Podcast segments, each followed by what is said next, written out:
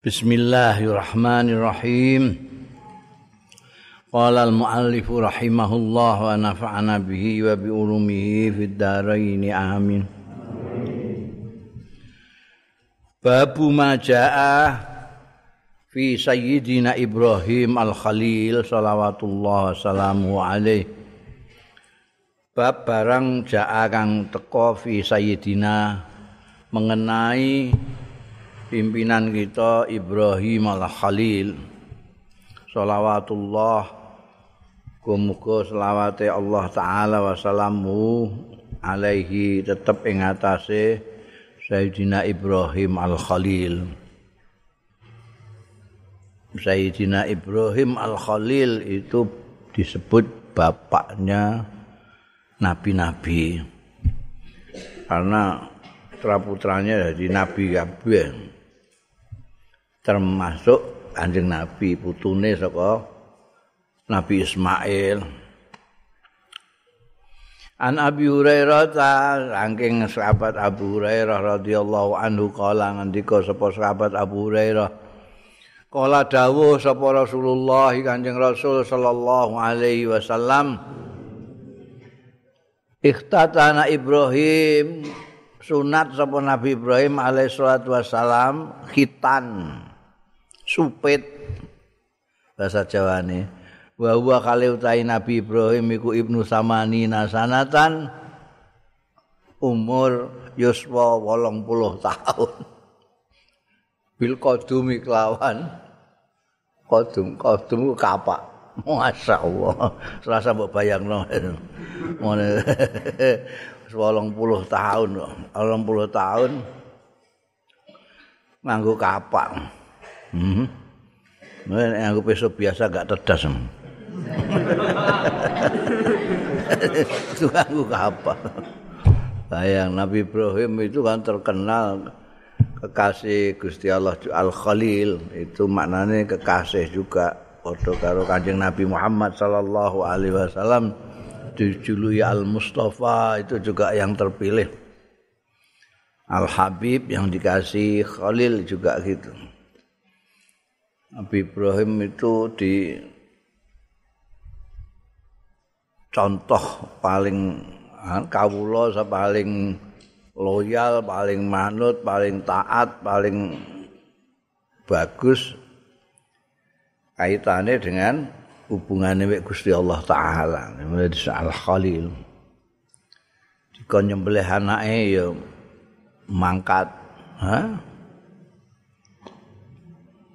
Meskipun kemudian tidak terjadi tapi nalika didawi nyembelih anak itu orang itu kan paling sayang itu kan kepada anaknya. Ini anaknya kongkon mata ini. Menguji kesetiaan Nabi Ibrahim. Siap mata ini anaknya iki wis dawuh sunat sunat wis 80 tahun. Itu nganggo kapak ya Allah. Jadi ku wis sing durung sunat iku ya nganggo kapangan. An Ibnu Abbas saking sahabat Abdullah bin Abbas radhiyallahu anhu ma'anin Nabi saking Kanjeng Nabi sallallahu alaihi wasallam qala dawuh sapa Kanjeng Nabi sallallahu alaihi wasallam. Yarhamullah. Ngrahmati sapa Allah Gusti Allah umma Ismail ing ummu Ismail. Laula annaha ajilat. Lamun kok ora setuhune ummu Ismail. Iku ajilat kesusu cepet-cepetan kepengin ndang gagi ngombeni anake. Lakana yekti ana apa zam-zam sumur zam-zam iku ainan mata air mainan sing mengalir. Muga-muga Gusti Allah ngrahmati Ummu Ismail. Ummu Ismail di sini maksudnya Sayyidatina Hajar ya karena Nabi Ibrahim mempunyai dua istri yang pertama itu orang kulit putih ya dari keturunan Bani Israel jenenge Sarah Wayu tapi nggak punya putra-putra sudah sampai sepuh orang di putra. Ngerti nek Nabi Ibrahim ketoke kok seneng karo bocah cilik, ketoke wah iki kepengin duwe anak. Terus dikongkon ngawini Sayyidatina Hajar. Hajar itu abu ndak putih tapi hitam. Di mumpunai putrane coklat. Nabi Ismail itu putra dari Dewi Hajar. Mulane coklat nurono wong Arab. Bani Israel kan koyok bule teh putih. Karena ibunya Sarah. Sing golekno sing ngawinno iku Dewi Sarah, tapi begitu kagungan putra Dewi Hajar cemburu keluar. Mau gak dicemburu kan. Tapi begitu dua anak kan bolak-balik Nabi Ibrahim nilai anak. Akhirnya terus itu digawa ninggune Mekah. Mekah pada waktu itu yang saiki ae kotongane ngono. Biyen kaya apa? Wadin ghairi zi zar'in zar'in di lembah watu tok wis ana tanduran apa-apa.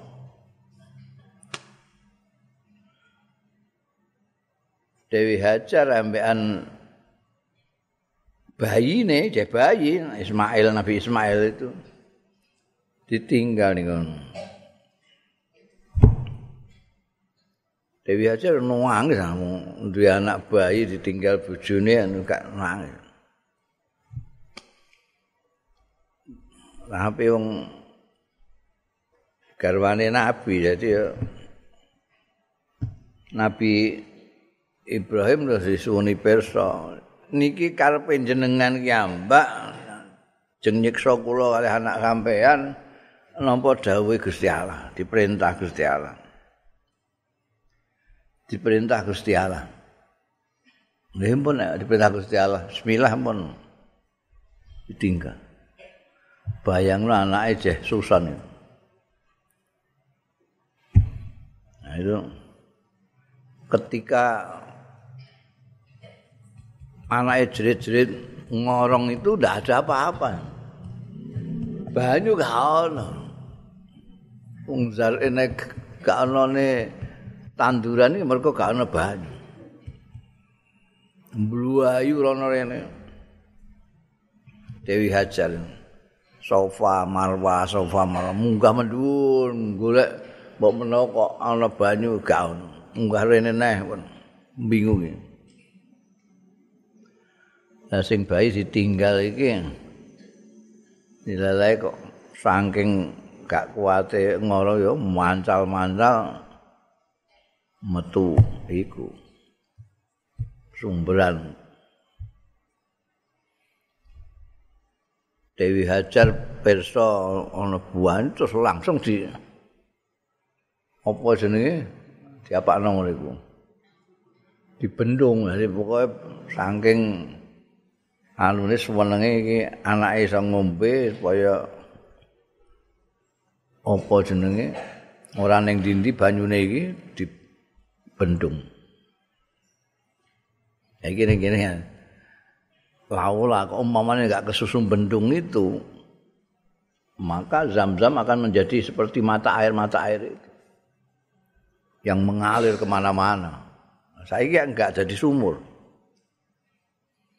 Zam-zam itu kalau tidak di bendung MBN si Dewi Hajar karena ingin segera memberi minum anaknya. Oh, itu sudah di mata air. Mungkin ngungkulin nil barang itu, efrat barang itu ya. Karena tidak menjadi mata air yang mengalir jadi sumur. Sumur yang ajaib sekali. Itu sing ngombe itu jutaan itu. Yang minum air itu jutaan dari seluruh dunia. Haji aja berapa? Durung umroh-umroh. Minuman itu orang mau diombe ning kono tapi digawani mulai ning ngene iki. Jamaah haji itu minimal minimal nggawa 10 liter minimal. Mulane ana sing 20 ana sing masyaallah. Malah ana sing didol bareng. Dan itu ora asat enggak. Musim dingin, musim panas, musim apa saja airnya ya segitu itu. Itu keistimewaannya zam-zam. Ya itu gawa ning ndi? Gawa ning Madinah. Jadi ning Madinah iku ana tong-tong minuman itu juga zam-zam. Gawa ning ndi? Jadi iso dibayang nek dadi kali itu sepanjang apa itu kalau nek dadi ainan mainan. Ya kesane Gusti Allah ngono dadi sumur. Ngombeni orang-orang haji sak dunya. Umrah sak dunya. An Ibnu Abbas radhiyallahu anhu ma saking sahabat Abdullah bin Abbas juga radhiyallahu anhu maqala ngendika sapa bin Abbas? Kanan nabi wana sapa kanjeng nabi sallallahu alaihi wasallam. Ana iku yu awid nyuwunake pangreksan. Al hasana ing sayidina hasan wal husain hasan husain itu putu kinasi kanjeng nabi Muhammad sallallahu alaihi wasallam. Putra-putrane Sayyidatina Fatimah Az-Zahra. Yang untuk Sayyidina Ali karamallahu wajah putrane Al Hasan disuwuk dijalukno pangreksan embek Kanjeng Nabi Muhammad sallallahu alaihi wasallam nyuwuk wa yaqulu lan maos ya Kanjeng Rasul sallallahu alaihi wasallam. La dawuh sapa Kanjeng Nabi sallallahu alaihi wasallam? Inna abakuma setune mbah buyut ira loro. Arab iku abun itu bisa bapak bisa mbah bisa buyut eh, abun. Ibnu niku juga bisa anak, bisa cucu, bisa mirang. Meskipun punya lafaz sendiri. Jadi inna abakuma itu bukan Sayyidina Ali. Inna abakuma itu Nabi Ibrahim jadi mbah. Mbah. Inna abakuma setuhune mbah buyut ira loro kana ana ora timo mbah buyut iku canggah waring apa-apa mbah. Enek moyang. Ana iku yu awidu nyuwunke pangreksan ya abakuma biha kelawan apa donga kalimat-kalimat sing arep tak wacana ning kowe nyuwunke pangreksan Ismaila ing Nabi Ismail wa Ishaq lan Ishaq jadi putrane apa Nabi Ibrahim mulane disebut bapaknya nabi-nabi itu Ismail dan Esa. Esa itu nang sing nurono Bani Israel. Ismail sing nurono wong Arab. wong Arab itu kekiran terus sampai Bani Israel. Itu kan padahal itu mbiyen satu bapak yaitu Nabi Ibrahim. kene Ishak duwe putra Yakub. Yakub itulah yang dalam bahasa Ibrani disebut Israel. Israel itu anak putune Yakub disebut Bani Israel.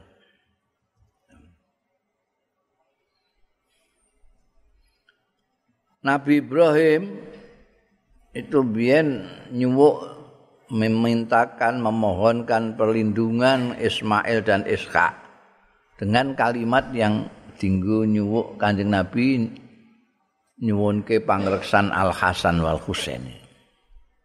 Apa kalimatnya itu? A'udzu bi kalimatillahi tammah min kulli syaitan iku ah iku. Syaitan iku kurang titik, kurang ya mingkuli saton iku apa? Mingkuli syaitanin. Shin dudu sin, shin gede. Wae nganggo shin gede apa sin cilik? Hah? Hah? Sin besar ya. Kok wae kutok. Eh? Baik ku tak sing nganggo cilik. Iki enggak anu enggak ngene iki. Ndak. Lha iki padha ngono. Eh? Iki nganggo sing apa? Eh? Sin besar. Ya kok sekai sin sin cilik. Aku sih Mesti itu kono sing akeh salah ngene iki lho, ngarepe mbah piye menguji aku piye. Iki ning nggonku ora ana yae sine cilik, mingkuli satanen. Iki padahal hadis populer masak masak keliru mingkuli syaitanin wahamatin wa mingkuli ainin lamatin. Iki nyuwuk kowe di anak engko sebut auzu bi kalimatillahi tamma min kulli syaitanin wa hamma wa min kulli ainin lamma. Nah kaya anak gak tergoda sama setan selamat wilujeng ora ganggu jin sak piturute Auzu nyun pangreksan kula bi kalimatillah. Lawan kalimah kalimah Gusti Allah atammat sing sempurna tanpa cacat tanpa kurang. Kalimah kalimah Gusti Allah sing sempurna. Nyun pangreksan bi kalimatillah tamah min kulli syaitanin saking saben-saben setan. Wahamatin lan hama. Hama itu ning gone dadi bahasa Indonesia jenenge homo. Hama hama. Dadi uh, rumangkang uh, yang berbisa lah. Apa? Kewan-kewan yang berbisa itu hama. Kalau jengking ana ula segala macam itu Wa min kulli ainin lamah lan saking saben-saben ain mripat lamatin sing berbahaya yang melarati. Jadi ada mata-mata orang itu sing nek ndelok wong dengan kagum mentelengi wong wong iso. Kadang-kadang mentalnya wah. Istilahnya kena ain. Ana wong mulane wong kaken di, dilem terus populer bar populer semua anjlok itu mereka ada mata di antara orang-orang yang ngagumi dia itu matanya beracun, matanya berbahaya. Kalau ngelihat terus mentalnya wah. Masale wapi era kan dilem-lem kari-kari kok geledak mau ngono tok. Ini kena ngain. Mana? Yang disebut kena ain. Iki mbok dungan iki 12 kabeh mingkul ainin lama setan ora marek satu kewan-kewan apa jenenge serangga-serangga yang berbisa tidak mempan ainin lama juga tidak bisa kowe misalnya terkenal sangger wong ngingeti kowe dengan rasa kagum itu tidak berbahaya kalau diwacana iki. Nek ora iku mungkin kadang-kadang ada mata yang berbahaya. Nyawang wong wonge iso wah. Wah dalam pengertian yang hakiki bisa wah dalam pengertian berubah mentalnya. babu sababi natnil lahmi bab sebab sebabe mambune daging. Apa daging nek mambu apa? Nek iwak cara kene brek nek mambu itu nek daging apa? Apa? Yang bau sudah bau. Wah ini daging di kapan ini ambune ngene iki. Itu naten ya. Nek iwak aku ngerti bahasa Jawa nih brek wah iwak wis brek iki delok matane mabang ngene ambune ketok. Kalau yang masih segar itu kan mripate bening ora ana abange iwak. Nek daging iki nek gak dilebet saiki ana mulane ana kulkas barang itu supaya daging tidak cepat-cepat naten cepat-cepat bau mampu jadi biyen-biyen ora ana daging mampu gak ana mbok pirang-pirang tahun mbok njalno ora apa-apa. Lah kok saiki kok ngono? Iki ana sebab. An Abi Hurairah ta diriwayatake saking sahabat Abu Hurairah radhiyallahu anhu kala ngendika sapa sahabat Abu Hurairah? Kala Nabi dawuh sapa Kanjeng Nabi sallallahu alaihi wasallam laula banu Israel lamun ora bani Israel tedak turune Israel tedak turune Yakub. Lam yahnasil lahm lam yahnas. Ora apa sih bahasane bandingane brek nek iwak laut iku brek iwak kali brek nek, anu iki apa nek daging apa eh basin Oh, basin itu segala macam basin itu. Hmm. ababmu ya basin. Oh, basin kan umum itu. Ini anu, sing kayak berek ngono. Jadi dia itu bau karena sudah lama gitu Apa itu? Oh, no, nek iwak aku ngerti itu apa berek itu.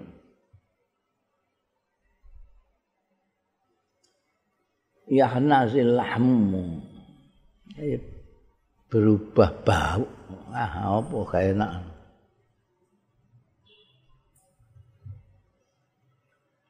Ya itu mampanane ngono apa basi apa basi biasanya sego. Makanan-makanan lain. Mesti ana cuma kita nggak ngerti itu bahasanya. Berek ana berek. Dan berek.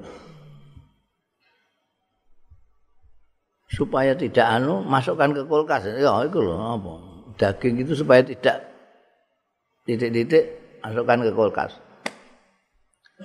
Ya berubah bau itu. Ya itu. Apa alham? Walau lah habwa lamun kok orang karena ora ora sayyidatina hawa ini maksudnya. Lam tahun mongko ora khianat sapa unsa wong wedok nyanati zauja ing bojone unsa adahra selawase. Jadi asal usule itu ana daging terus dadi bau. Ana iwak dadi brek itu gara-gara Bani Israel. Kok Bani Israel? Kok Bani Israel itu wong angel banget. Critakno ning gone Quran ngantek berkali-kali Bani Israel. Ndekne njaluk diweni panganan sing ora usah kangelan ambut gawe terus diparingi manna wa salwa Tibane saya mangan manna wa manna itu kaya blendok ngono niku nek karek jikuk ngono tok ae Nang gone wiwitane gak jiko. Salwa itu kene apa jenenge? Sing kaya pitik tapi manuk itu. Ndoke cilik lek ya. Uyuh. Lha dasar wong Bani Israel buah kilera karuan. Iku wong iku saben anu ana terus kok. Tapi yang tamake iku disimpen. Nek daging iku disimpen nih Pangan, gantek disimpen. Akhirnya sing belakangan ini sing nompo akibatnya sampai sekarang yang namanya daging itu bisa mampu. Kok umpamane biyen wong Bani Israel kelakuane ora ngono. Ora tau nyimpen-nyimpen daging nyimpen barang-barang itu ya ora ono. Ceritane saiki daging kok bau gak. Iwak kok berek gak. Soale Bani Israel piye. Senengane mana gune kita itu kan tidak boleh nyimpen-nyimpen untuk berapa hari barang ngono kuwi iku kelakuane Bani Israel. Saiki wong malah niru Bani Israel kabeh. ngingoni kulkas barang kok ben iso dienggo pirang-pirang dina. Eh. Zaman Kanjeng Nabi Muhammad sallallahu alaihi wasallam teklung gitu. Sekarang ya sekarang ini dimasak sekarang, dimakan sekarang, sesuk golek neh kayak manuk gitu. Sekarang kan orang kalah ambek manuk barang itu. Manuk itu Nggak khawatir besok makan apa nggak khawatir. Besok mie berenang golek. Meskipun dia punya anak, dia golek sih marani anaknya diloloh. Kangge sesuk napa ya sesuk golek nana. Ora kok terus nanden pirang-pirang. Biar zaman Nabi juga gitu. Hari ini dimakan hari ini. besok dicari besok dimasak besok dimakan besok nggak ada model nyimpen nyimpenan kayak Bani Israel ini yang harus asal usulnya ono daging mambu berek itu karena Bani Israel menyimpan makanan itu. Walaulah Hawa lam tahun unsa zaujadah. Kenapa sekarang ini banyak perempuan-perempuan itu sing godho lanang lanangnya asale jujur-jujur apik-apik gara-gara disetani bojone terus korupsi. Eh? Sing lanang apik asale, ya terus sing wedok iku ngujung-ujunge Pak. TV kok semene cilike Pak. Orang puluh inci kok muni cilik nah iku tangga kono iku kuwedi banget no. Mbok pirang inci pokoke kuwedi ku enak ning mripat iku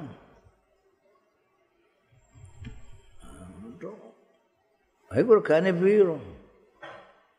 Ya pokoke pokoke tukokno.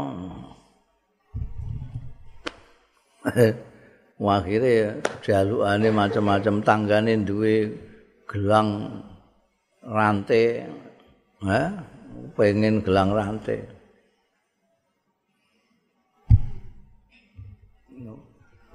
duwe manting-anting sing gebiar-gebiar njaluk. Nah, sing lanang iki pegawe biasa ngono ae. Ya gak nyelindut-nyelindut gak korupsi ya gak iso nuruti. Akhirnya uripe bermasalah terus cekel KPK barang ora kabeh.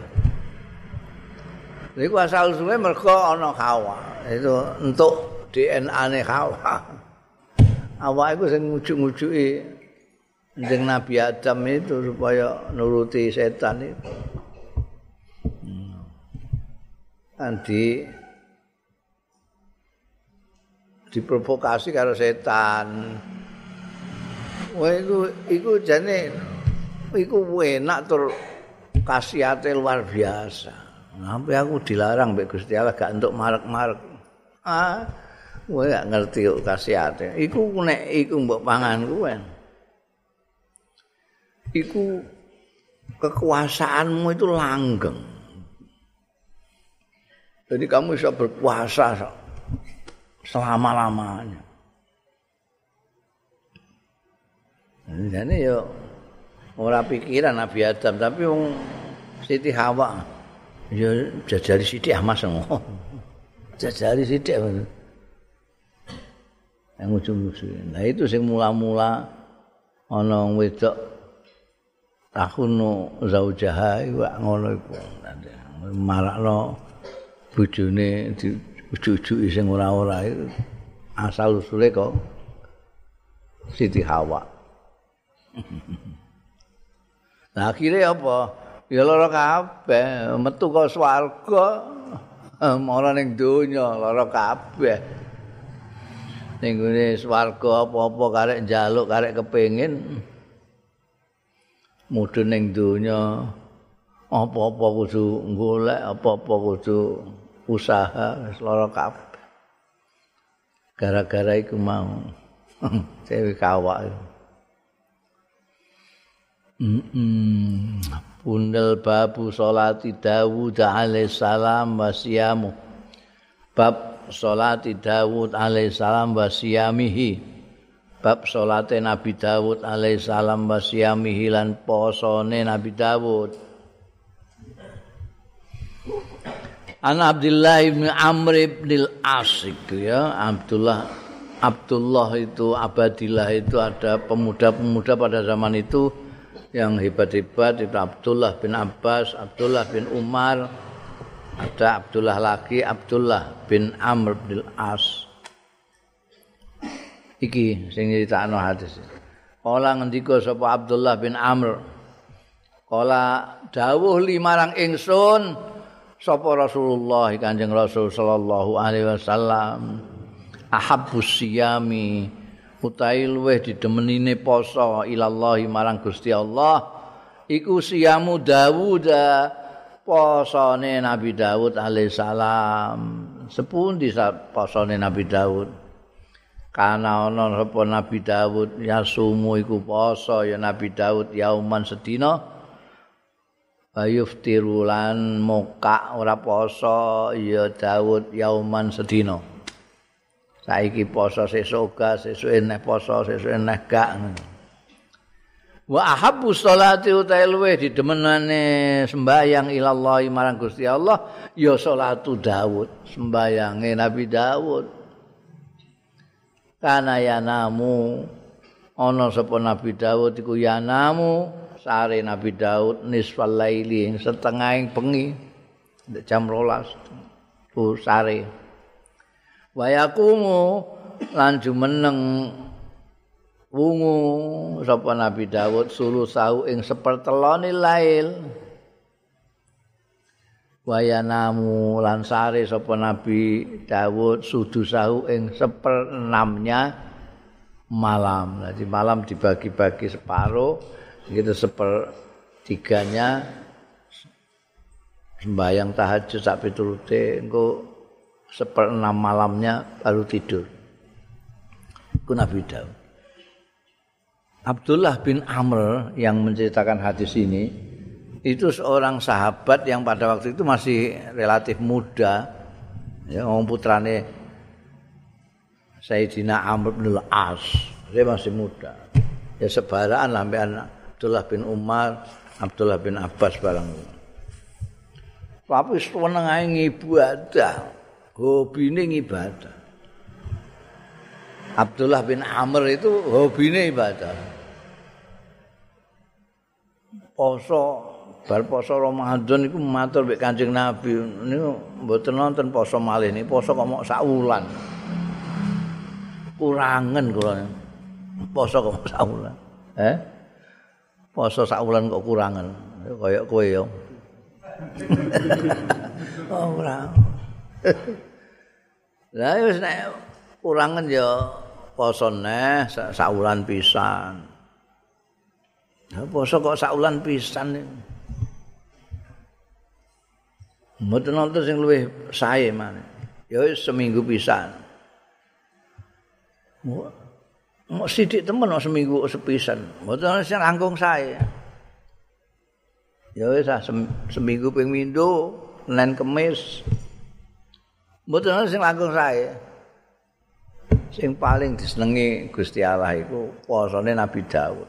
Sedina poso, dina. Mboten ana sing langkung sae, ora ana.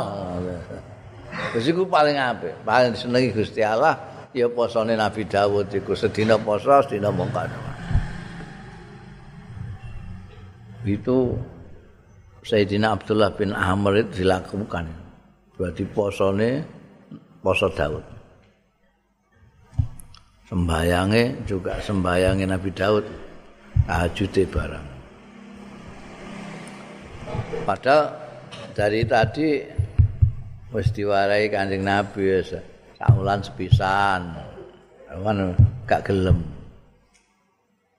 Wis seminggu pisan gak gelem. Seminggu pemindo isih kurang. Karena Kanjeng Nabi ku senengane uh, tidak memberatkan orang itu loh, memberatkan orang. Tapi wong iki ngeyel, wong senengane piye neh. Menurut riwayat bareng wis sepuh apa sahabat Abdullah bin Amr iki terus kelingan Kanjeng Nabi itu arahane Kanjeng Nabi mulai saulan pisan seminggu pisan seminggu dua kali kelingan. Bareng wis sepuh ya Allah aku mbiyen gelem nuruti Kanjeng Nabi. Ngantek saiki aku ya isih giat aku. Ora kaya saiki iki. Mbiyen aku poso Dawud sedina poso dianuku ya semangat aku giat aku jaman isih enom wis tuwa ngene iki lara kabeh aku apa artinya itu? Kanjeng Nabi kayak dawuh Kanjeng Nabi, khairul a'mali adwamuha wa inqal. Kanjeng Nabi itu mementingkan kelestarian amal. Pak. Enggak bukan banyaknya ngamal, tapi lestari. Kowe poso saulan sepisan tapi lumintu terus saulan poso. lebih baik kowe puasa akeh tapi terus leren. Aku leren wis gak kuat saiki. Biyen saya kuat saiki ora kuat. Ya itu belakangan orang itu baru nyadari nek Kanjeng Nabi Muhammad sallallahu alaihi wasallam paling bagus arahannya, paling bagus contohnya, paling bagus teladannya. Al khairu kulluh fitibair Rasul sallallahu alaihi wasallam. Yang terbaik dari yang paling baik yang mengikuti Kanjeng Nabi. Babu tahafutin nas kal farash. Bab tahafut nabrak-nabrak sesatane wong-wong kal farasi kaya dene laron. tingkai laran kene kalau ana lampu ditabrak brek jeblok brek iku tahafut brek ngono iku. Merah laron nek wayahe udan-udan ngono kae lho. Iku laron goleki padang-padang. Terus wajib wabrak iku lampu. Jret ceblok kepek-kepek. Lare do coplok ngono, gremut-gremut. Brek, iku tahaput. An Abi Hurairah ta diriwayatake saking sahabat Abu Hurairah radhiyallahu anhu annahu satune sahabat Abu Hurairah iku sami amireng ya sahabat Abu Hurairah. Mireng Rasulullah ing Kanjeng Rasul sallallahu alaihi wasallam. Mireng yaqulu ingkang dawuh sapa Rasulullah sallallahu alaihi wasallam. Masali utawi tepaning sun wa masalun nasilan tepaning manusa iku kamasali rajulin. Kaya dene wong lanang istauqadanaron sing ngurupake rajul naron ing geni faja alam qadati apa alfarasu laron wa hadhi dawabulan iki gegremetan mongso wereng sak piturute. Takou tumiba ya alfaras wa hadhi dawab finnari ing dalem geni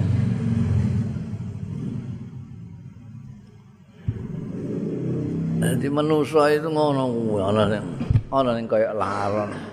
Kanjeng Nabi Muhammad sallallahu alaihi wasallam diibaratno orang yang sedang menyalakan api. padang sekali. Laron itu kepingin cari padang sebetulnya. Tapi dia tidak tahu itu membakar. Itu abrak. Brek mati. Wong itu bukan hanya sinar yang terbit dari api itu, tapi juga panas, juga membakar. Enak tahu.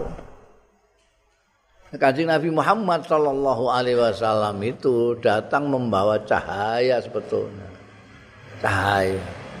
Tapi banyak orang yang nggak ngerti, banyak yang justru celaka gara-gara nggak ngerti. Saya akeh orang orang yang apa namanya tidak mencari cahayanya, tapi terkena api panasnya. Mestinya yang digulai itu cahaya. Orang sambut tabrak-tabrak ngono iku ora. Ora sambut tabrak. Kowe kok kene ke padang gitu, padang. Cahaya itu kan ndak usah natap kowe. Lah kowe kok nabrak ngono iku. Yo. ini iso juga dienggo dalili wong-wong saiki sing terbakar oleh agama sendiri karena dia enggak mudeng mana yang cahaya mana yang api. Mana yang menyinari mana yang membakar.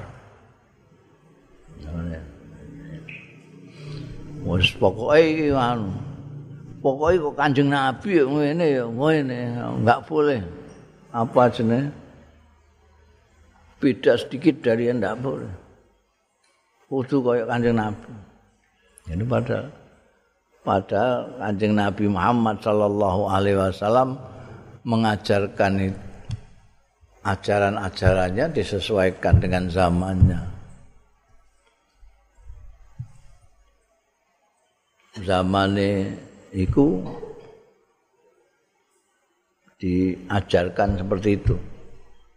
Nanti pada zaman yang lain ajarannya lain. Mulane kanjeng Nabi sering dawuh-dawuh nanti itu akan terjadi seperti ini yang saya khawatirkan kalian itu akan begini. Itu ada dawuh-dawuh yang seperti itu.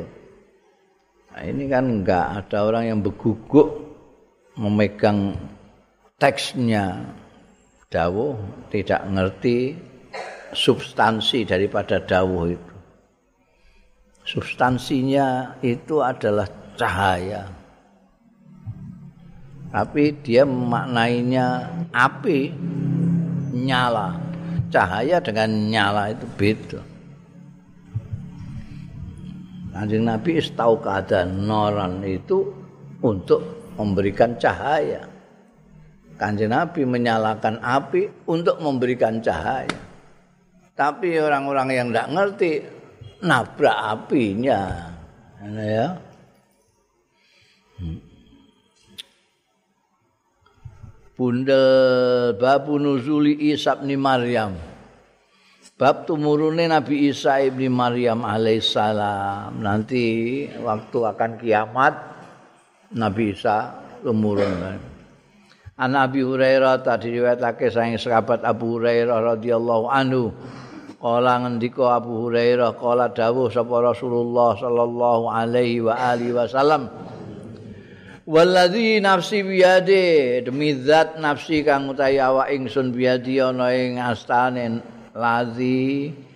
Layu sikun layu sikan ayan zilafikum yakti meh meh tenan. Apa ayan zilafikum ento tumurun fikum ing dalam sira kabeh sapa ibnu maryam ibnu maryam artine nabi isa alaihissalam. Hakaman jadi hakim, jadi juri, jadi pengadil, adlan sing adil.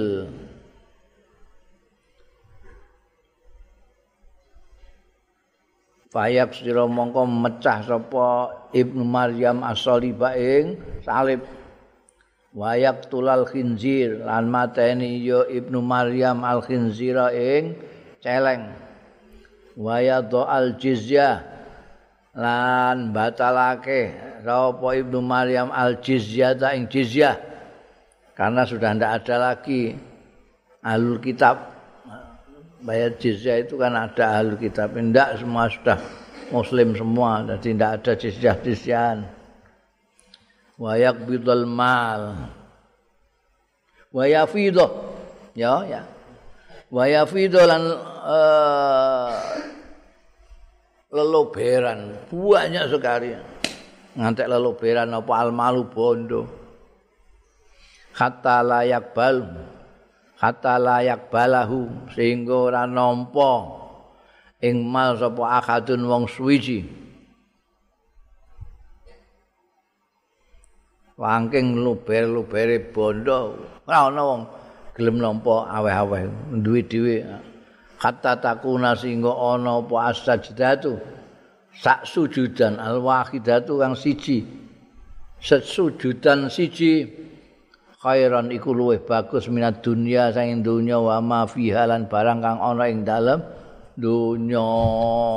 Itu nanti mendekati kiamat. Dan itu menurut kanjeng rasul sudah dekat. Layu sikanna bentar lagi akan turun Isa putranya Siti Maryam, Sayyidatina Maryam itu nanti akan turun dan dia akan menjadi pengadil yang adil sekali. Nanti salib-salib bikinannya orang-orang sesudah beliau itu nanti dihancurkan semua.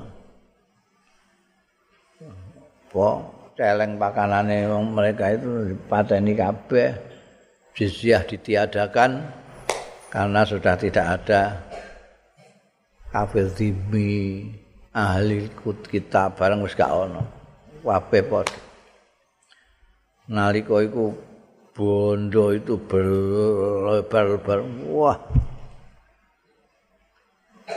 Ngantek ora ana wong gelem nampa dhuwit momong ndak nyimpen-nyimpen la apa.